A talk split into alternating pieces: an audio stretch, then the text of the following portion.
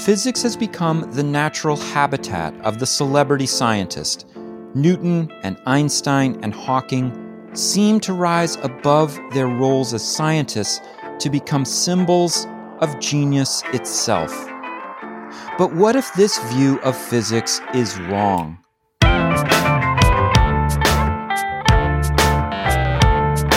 It's time to eat the dogs. I'm Michael Robinson.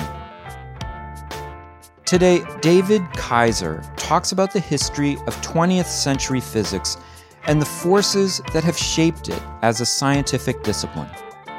Kaiser is a professor of the history of science at the Massachusetts Institute of Technology, where he is also a professor of physics. He's the author of Quantum Legacies Dispatches from an Uncertain World. David Kaiser, thank you so much for talking with me. Well, thanks so much for having me on. I'm, I'm really glad to talk with you. So, probably in no other field is the idea of the individual genius as powerful as it is in physics. I was wondering why you think that is. Oh, that's a good question. I, I think you know colleagues of ours in the history of science have done some really interesting work over many years on on the very notion of genius, let alone the portrayals of individual purported geniuses. And you know, I, I've found really quite compelling some of the work that suggests that it was actually Isaac Newton, you know, back in the 1700s, uh, near the end of his life, who was really the kind of first version of of the modern scientific genius. As I say, was mm. was where the aura, the notion of a genius, was created around Newton, and that's not to take away from Newton's tremendous contributions. We still study his work for lots of good reasons. He's fascinating, but the notion of saying this wasn't just another pretty smart person, but rather yeah. a kind of category apart. I think we have a tradition that stretches back from, you know, from uh, at least the early 18th century that says uh, that we have we've developed routines for talking about certain kinds of people and their contributions. And it's true that Newton was was laying so much groundwork for what, what would soon be called the discipline of physics. His mm. his uh, reach was broader at the time, uh, natural philosophy a bit more broadly.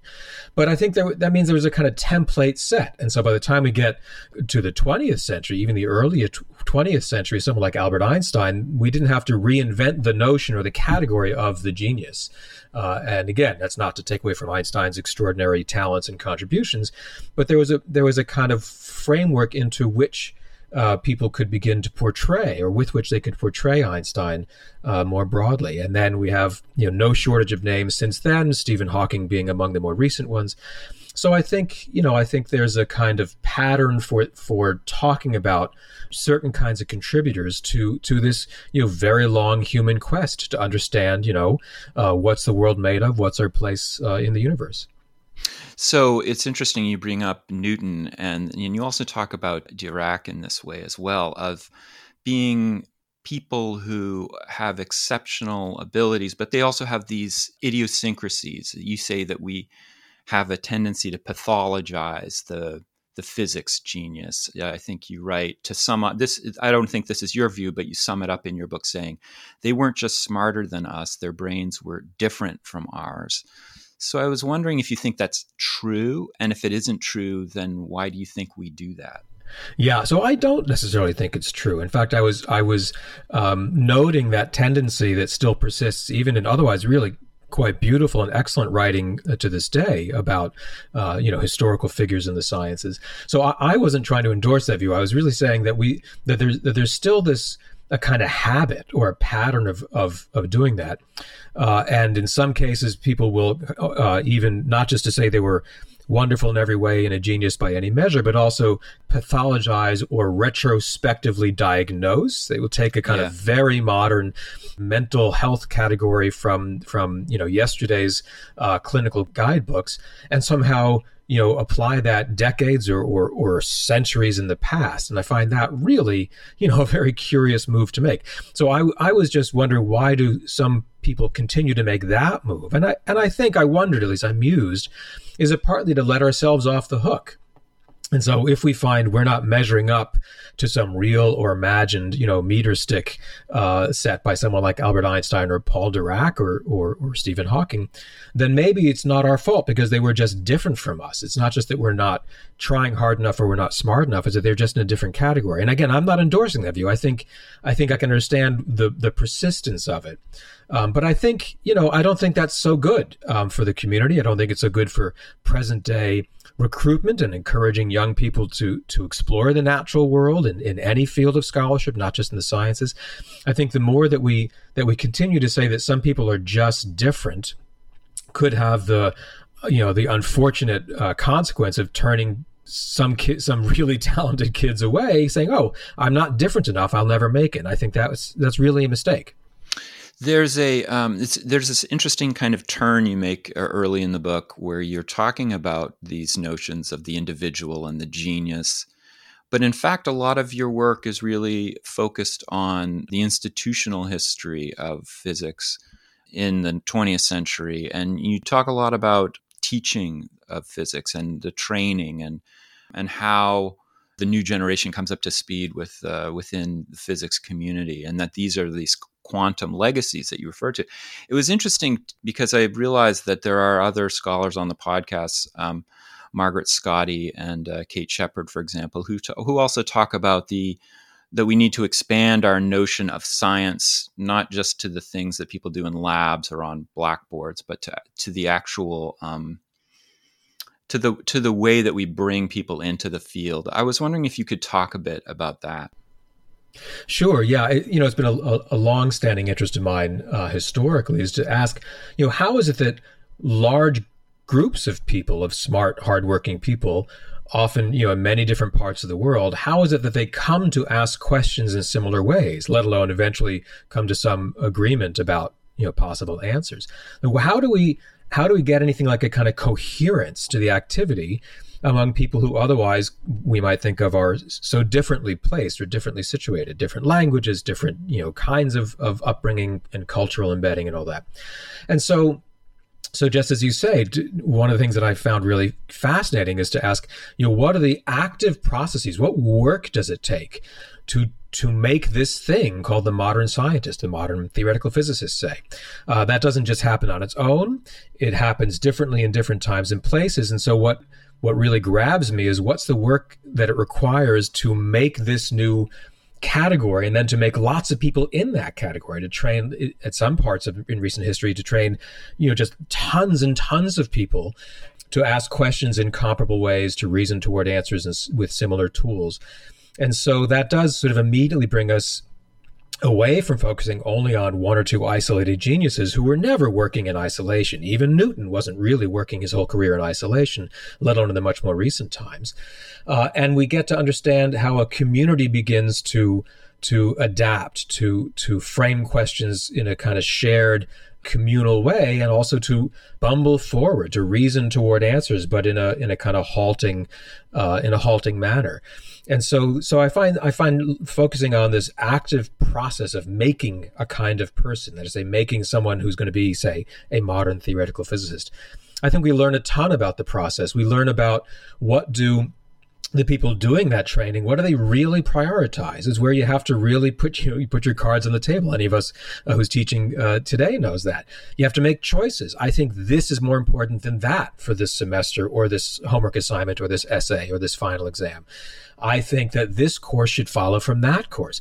So we, it it bring it opens up for us a whole range of questions of assumptions, sometimes of real uh, intellectual debate and disagreement that we get to kind of try to better understand once we once we look not only at the kind of polished outputs from you know from from the research enterprise those are awesome and, and absolutely worth our worth, worth our attention but they but they're the end point of a really complicated a kind of moving target uh, of a social process. And so i find that really um, just a, a fascinating way to get into you know why did that question make sense to that group of people at that time and place one of the things I found really interesting about your book was you in in the evolution of physics as a discipline in the 20th century you point out these uh, benchmarks that are used by many people who write about this period, one of which is the use of atomic weapons in World War II and the, the labeling of that war as the physicists' war, and then um, also the launching of Sputnik by the Soviet Union um, in the late 1950s. But you look at these benchmarks in a really uh, different sort of way. Can you talk about that? So, for a long, long time, the Second World War had been dubbed the physicists' war.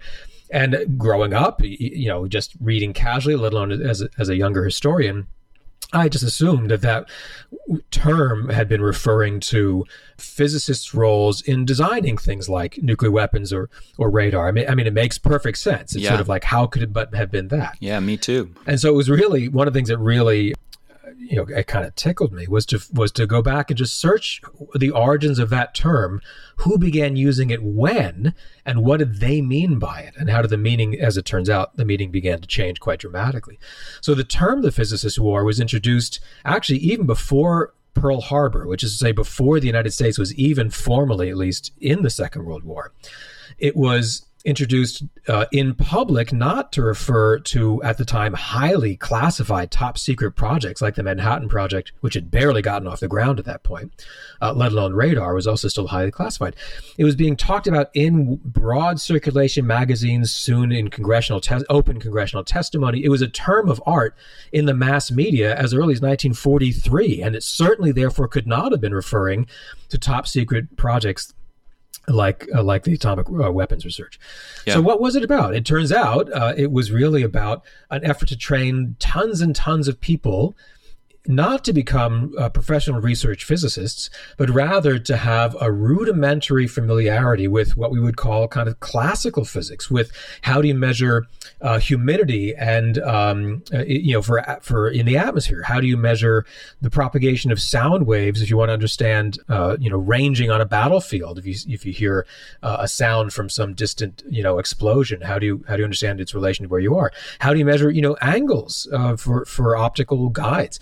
It was about you know really kind of important ways of, of again of kind of reckoning in the world. And those at the time were considered part of a classic and classical physics education. And a lot of people began to get very worried that uh, you know enlisted soldiers in in these rapidly expanding uh, in the in the army had, had, didn't know about how to do these things, didn't know how to use you know protractors or or uh, or basic electronics or or basic radio uh, for communications. Right. And so where did where should they have learned that? It was determined in basically high school or college physics classes, not to learn super exotic things about nuclear reactions and fission and E equals mc squared. Not any of that. In fact, the recommendations were to, were that physics department should stop teaching this esoteric nuclear physics during the war uh, and concentrate on getting more and more enlisted people through basically courses of, of kind of rudimentary elementary physics because that was needed uh, it was determined for the battlefield. And then also on top of that, there was this statistic that was given many times after, or I think it was actually before the launching of Sputnik in the 50s, about how far behind we were in terms of uh, physics education relative to the Soviet Union and you also kind of pick that one apart as well. That's right. That was another actually one of my one of my favorite little uh, kind of detective story, detective investigations. So you're right. So this the notion the the ratio that got repeated really ad nauseum, starting as early as 1954 and 55. So you're right. It was before the several years before the launch of Sputnik. The ratio that would get kind of pulled out of context and repeated all over the place was that the Soviet Union it was claimed was training two to three times more scientists and engineers, and it often they met physicists in particular, uh, than the United States. So there was what was called, in very gendered language at the time, there was a manpower gap. That the Soviets, it was at least feared and alleged, were training much more manpower, people trained in the physical sciences and engineering, uh, than the United States. And now, by this time, years after the original development of nuclear weapons. Now the physicist war had the meaning of that term had already shifted. So now the assumption among many, many policymakers in the United States military, in American higher education, among uh, politicians and journalists and pundits, the assumption shifted quickly after the end of the war that physicists really had won the war because of the exotic stuff, not because of you know measuring you know uh, air speeds and, and the propagation of sound waves, but rather because of these strange sounding cosmic forces like uh, like nuclear reactions that power the stars and now can make uh, these tremendously powerful explosives on the Earth. So the notion that physicists were somehow critical to the nation's security in this new, uh, you know, scary Cold War, that that called for a different meaning of of the term physicist war, and it called for uh, an at the time what was seen as an enormous investment and priority in making lots and lots more physicists to have them on tap, so that if the Cold War ever tipped over into open warfare between the United States and the Soviet Union, of course, as we know, there was tons of open warfare throughout the co- course of the Cold War a lot of these kind of proxy struggles, plenty of actual battles were fought. But the one that had these policymakers concerned at the time was a kind of open shooting war between uh, the so called superpowers, between the United States and the Soviet Union. And they said if it ever comes to that, we're going to have to get something like the Manhattan Project up and running kind of immediately. We can't spend our time running around looking for where are, where are all these physicists and do we have enough of them. So the idea was by the by the early years after the Second World War that there should be uh, a priority to make lots of physicists, lots of grad students uh, in areas like nuclear physics, you know, as quickly as possible and as many as possible. And that sets in motion this huge, huge shift in in American higher education uh, and in the topics within physics curricula that get prioritized and all the rest. To that point, one of the things I found really interesting was you say there's almost this kind of Faustian bargain that happens in the physics community where when it's a small, sleepy field in the 30s, there are all of these ways that people talk about physics as a kind of philosophical approach. And, and then after all of this federal money gets poured into the teaching of physics after World War II. It really shifts the culture. What's what's the um, what's the arc of that story? That's right. And so there's a lot of ways to try to to to pin that down to sort of measure it or, or see the effects of it. Uh, but the arc is is indeed just as you say that uh, physics had been a, a, a small field uh, of study in the United States and really around the world. A number of our colleagues did a, a remarkable kind of census many years ago by now counting up anyone who could plausibly have been called a professional physicist in, in the world around the year 1900. And the total census was, you know, in round numbers, around a thousand people by certain kind of reasonable criteria. A thousand people and then, you know, by by a few years after the end of the Second World War, in the United States alone, we were training a thousand new PhDs in physics every year, right? So that's an enormous escalation. It's an exponential growth, yeah. and it continues rising. And so what happens is the classrooms, even for advanced training, for for advanced PhD students, let alone for uh, these huge classrooms of undergraduate physics students as well, the enrollment pressures just become entirely out of step with anything that these physicists had experienced even as late as the 1930s, let alone the 19 teens or 20s. And so, as as uh, you have probably experienced yourself, or I certainly reflect on this in my own teaching, there are different ways of, of engaging classes of students. If you're teaching a kind of auditorium style class of 100 to 300 students at a time, yeah, right, versus right. A, a kind of smaller seminar of maybe a dozen students sitting with you around a table the nature of instruction changes. And, and that's not to say good, bad, uh, you know, one is somehow superior to the other, but there's certainly kind of trade offs. What's going to be effective in one setting versus another? It's not going to be the same approach, the same way of approaching the material.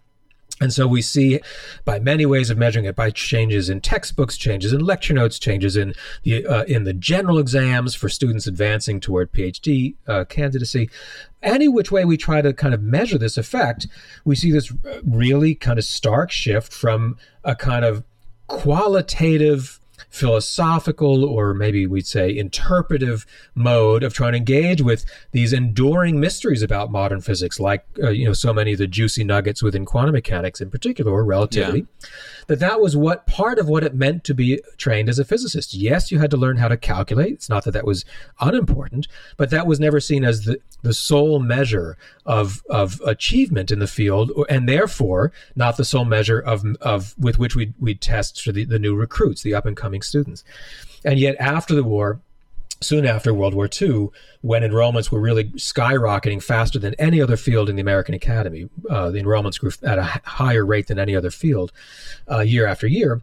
Then that kind of more qualitative, open ended, kind of discussion format approach really fell out of the physicist curricula very rapidly. And the things that could be scaled up to, again, to auditorium fulls uh, of of students was was certain kind of problem solving techniques. And again, I don't think that's I don't mean to say that's good bad. It's just it's a real discernible shift, and that changes what counts as a kind of um, valuable question to pursue in physics. It changes how one grapples with these big open questions about how the world works, and you see these kind of not exactly pendulum pendulum swings, but a real shift in emphasis in what even counts as a question for the physics community. You um you talk a lot about the structures of physics, but you also get at some of these juicy nuggets, as you call it. And I, I, I find these things really interesting and uh, quite baffling. But one of the really interesting ones, and it goes way back, you have Dirac talking about the importance of, uh, of beauty as a kind of guidepost to truth in physics. I think the quote that you offer in the book is he says, um, It is more important to have beauty in one's equations than to have them fit experiment. And so I was wondering if you could talk about why you think uh, physics is so attached to notions of beauty, and also um, does that still hold true today? Well, let me take that second part first. I think one can still find you very talented uh, leading physicists who will say similar things. Not everyone. Well, you, you could find people saying that or saying you know something similar, but of course you know they're they're their uh, critics or the people with whom they're debating will quickly say, well, what's beautiful to you might not be so beautiful to me, is part one. And part two is really beautiful things might not be accurate about how our world works. So you might have the most beautiful thing that has nothing to tell us about the workings of nature. So there, so that's a debate that was, you know, Dirac would have recognized each of those responses as well, even in his own day.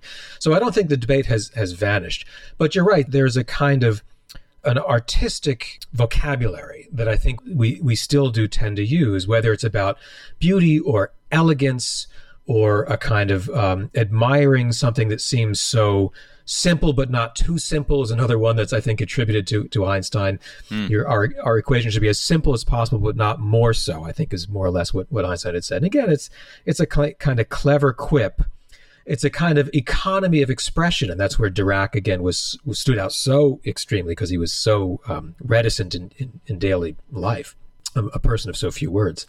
Another juicy nugget you talk about is some work at the center of your field, which is the study of neutrinos. And they're super interesting in and of themselves, but they're also, I, I also found it interesting. You say that these are people are hoping that the neutrino might offer some insight into the the working of the standard model, the structure of of theory that now guides uh, theoretical physics.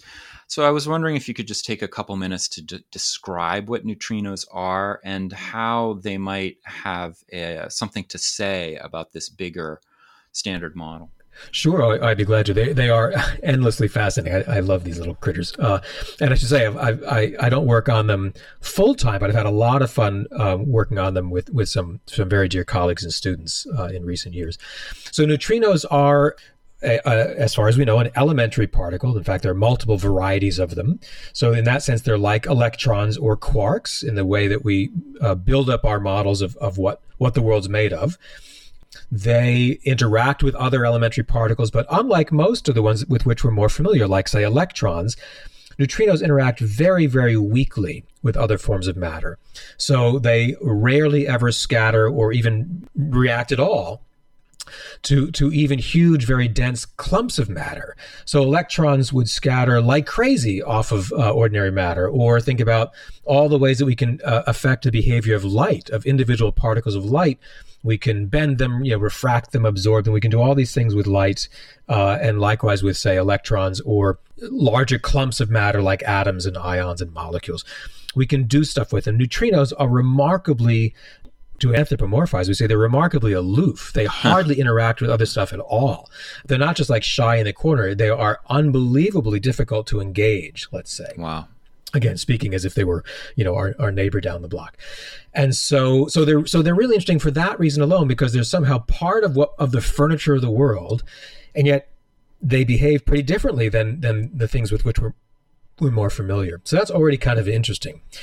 Secondly one of the really biggest developments around neutrino physics over the last 20 or so years you know accumulation of of evidence that really looks unmistakably as if these neutrinos have a very, very tiny amount of mass per particle, uh, but not zero. It was originally assumed they were they were simply massless, so in that sense, they would have behaved a lot like particles of light in terms of always having to move at exactly the speed of light and so on. Turns out they they are not identically massless, but their mass is so much seems to be so much smaller than even other lightweight particles like say electrons. So again, they're kind of in a class off by on their own. They have mass, but seemingly a very little mass. And then it gets even stranger. And that's what I had fun writing about for the book and working on with my with my colleagues. Because they have a little bit of mass, but not a lot, they can do this thing called neutrino oscillations. And this really is is held up as, uh, and I think rightly, as a beautiful example of one of these core strange notions from quantum theory. One of the ways that matter on the scale of atoms and parts of atoms just kind of refuses to obey the what we might consider our own common sense that the rules of quantum theory just don't map on in such a straightforward or obvious way to the rules uh, that govern you know the physics of my of, of when i walk down the street or drive my car or, or whatever and so one example is that is these neutrinos can can actually change their identity over time. And that already sounds kind of interesting. We can imagine, well, people can change their identity. But neutrinos do it even more strangely than that. They can do it such that they have no definite identity between moments when we might choose to measure them. So it's not that they're, you know, type one and then all at a moment they become type two and then maybe type three is that between the moments when we when we happen to to subject them to a measurement, they could be both type one and type two in this hybrid, uh, inherently quantum mechanical state in a way that we don't see happening. You know, again with with larger objects in our everyday lives. This is what you call uh, superposition. In the, superposition. In that, that's right. And, and so, as an analogy, it really is. They behave just like Schrodinger's mythical cat they could they behave as if they're both alive and dead at the same time, as opposed to being alive first and then later being dead. Uh, or having state one as a definite state and then later having state or identity two as a definite identity.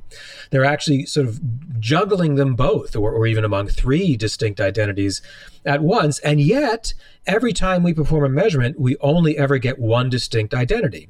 We don't find a kind of smear uh, just as with Schrodinger's fabled cat, every time we open the box, we only always ever find the cat alive or dead, even though, according to quantum theory, in between those moments, the cat seems not to have been either alive or dead, but somehow both alive and dead. Yeah. The neutrinos are acting like that. And so the part that really got me, you know, really excited was with, with, um, my very dear friend uh, Joe Formaggio, who's a real expert on experiments involving neutrinos here at MIT, and some of our really great students. We realized that, well, if let's turn this around and let's say now let's use measurements on lots and lots of neutrinos. Now there are many groups around the world that can perform very precise measurements on these things. It's very hard, but they can do it really well.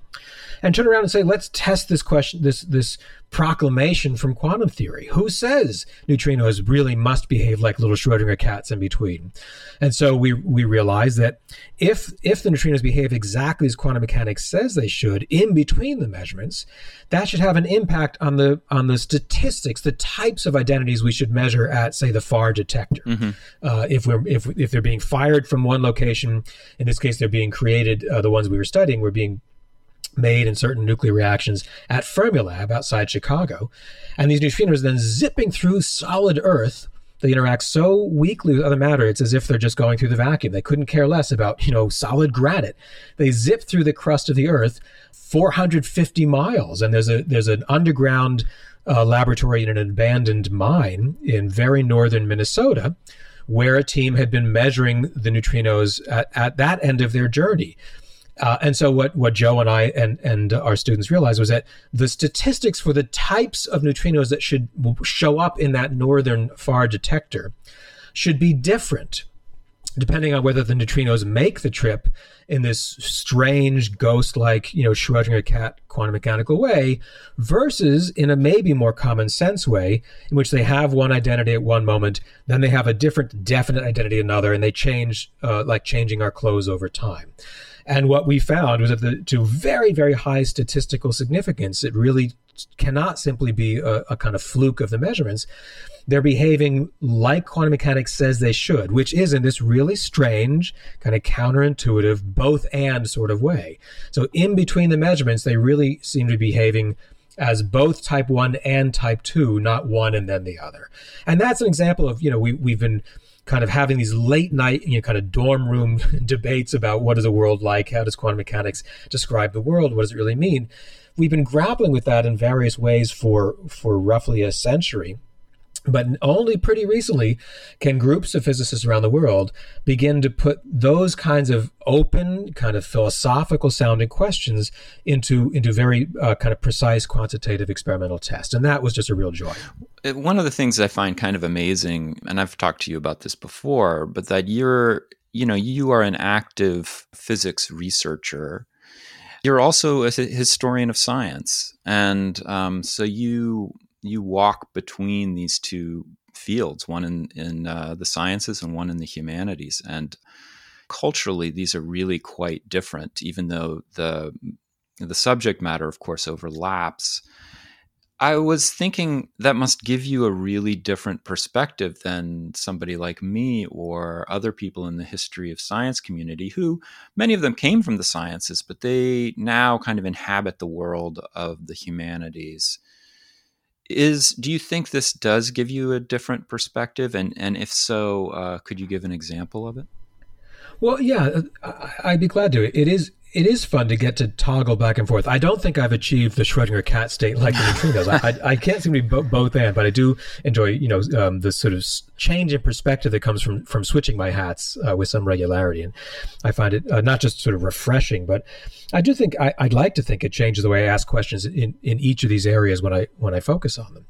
Uh, on each one, you know, in its own.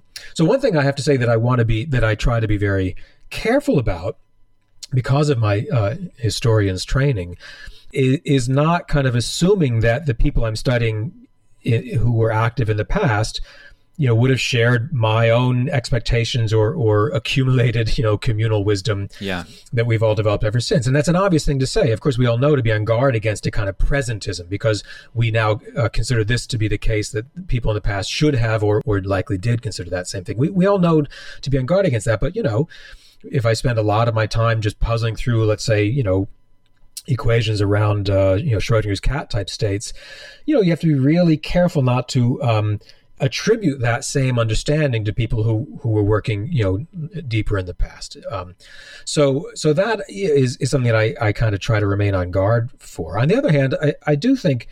One of the things that I really get to enjoy is watching the propagation of the questions we ask over time because I think we can trace a kind of genealogy of what even counts as a question, even though the the answers we might we might fix upon at any given moment th- those you know i think the historians will remind us uh, time and time again those answers might not have a long shelf life.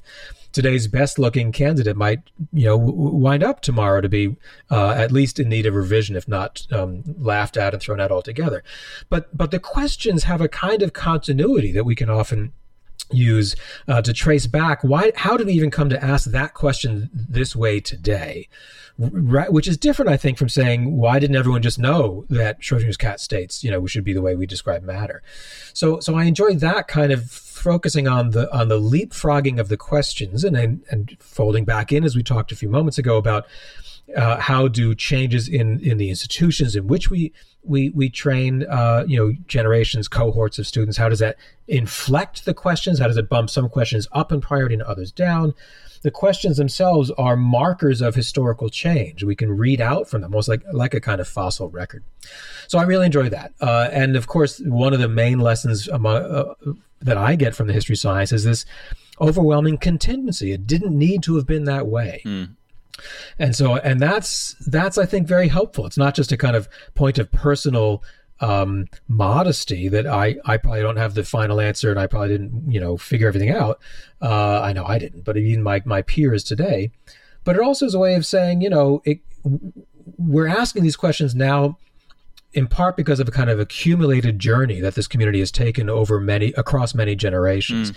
and, and and and that i find that actually very grounding now there are some instances where you know, it really has been helpful, uh, and even in unanticipated ways, to be to be um, working in both these areas. And in fact, uh, another um, set of experiments that I describe in, in Quantum Legacies that were really, I mean, by any measure, an absolute highlight of my life. Um, an adventure that I still just can't believe I got to to participate in was a series of new experiments. We we call them cosmic bell experiments around this notion of, of quantum entanglement, like Schrodinger's cat states. This is a delicious feature of quantum theory that's really hard to parse in, in everyday language or, or with the kinds of, of phenomena that we're familiar with uh, from you know again from walking down the street, the kind of thing that literally kept Albert Einstein awake at night uh, and his whole generation, mm. and really worried about it. It troubled him uh, Einstein in particular, and it troubled Schrodinger, troubled many, many people across the generations. And so I had written a, an earlier book uh, called How the Hippies Saved Physics, which was actually about who cared about this notion of quantum entanglement before it became mainstream. Now, sort of, we all care about it in the sense that we teach it to our students, it's in our textbooks, it's on our problem sets. It is by any measure central to the discipline and has been now for for, for some time, but it wasn't for like for all times.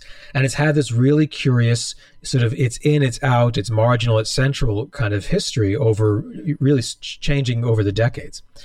And so my historical book was trying to say, well, who who cared about it when and and why and in what settings? What did they think it was all about? What they hoped to learn about it? And I'd finished that book and then one of my new incoming physics postdocs, astrophysics postdocs, Andy Friedman, had just come to MIT, and he read the book you know, sort of for fun, which is great. I love it when not only professional historians read you know, our history science stuff. And Andy got intrigued, and he began talking with one of his good friends, Jason Gallicchio. Uh, also, they had just been in grad school together in physics. They were both just starting their, their postdocs. And, and together we three began talking about quantum entanglement and the way it had been tested. And are there new ways to ask that old question, partly because of this historical investigation? So I had dug in for my historical book about what were some of the early tests of this strange sounding phenomenon. What were the assumptions behind the tests? How did one experimenter try to improve the tests from the previous one? And we realized that, you know, we had, uh, when we put our astrophysics hats back on, we actually had a very different toolkit, a different set of tools, conceptual and, and, and actual instrumentation, than what had been, than those that had been brought to bear by these other experiments. hey, you know, we, we could actually get in that game. We have things to bring to the contemporary present day study of quantum entanglement. And so that, and with a lot more work and, you know, building a team and, and many rounds of grant proposals until we finally got some funding, we were able to put together an international collaboration and do those new tests. And so, what I love about that is the historical work helped to trigger and inspire some new physics work, and not only the other way around. Not only let's get all the physics done and then go write the history of it when the dust settles, but in fact, again, it's part of this kind of breathing, kind of bumping along continuity of questions, the historical work in this case at least could really inform fresh new questions even for the for the physics research, let alone uh, that could help hopefully help ask you know other historical questions as well. So there are moments when I when they can kind of fit together really really in a, in a very fun way. Mm. David Kaiser, thank you so much for talking with me. It was a real pleasure. Thanks so much. Appreciate it. That's it for today. The music was composed by Zabrat Make sure you check out the Time to Eat the Dog's website podcast links and other exploration related stuff. And if you get the chance, please take a minute to rate and review the show wherever you get your podcasts. It really helps make the show visible to new listeners. And if you want to recommend a guest or make a comment, feel free to contact me at time to eat the dogs, that's one word, lowercase, at gmail.com. See you next week.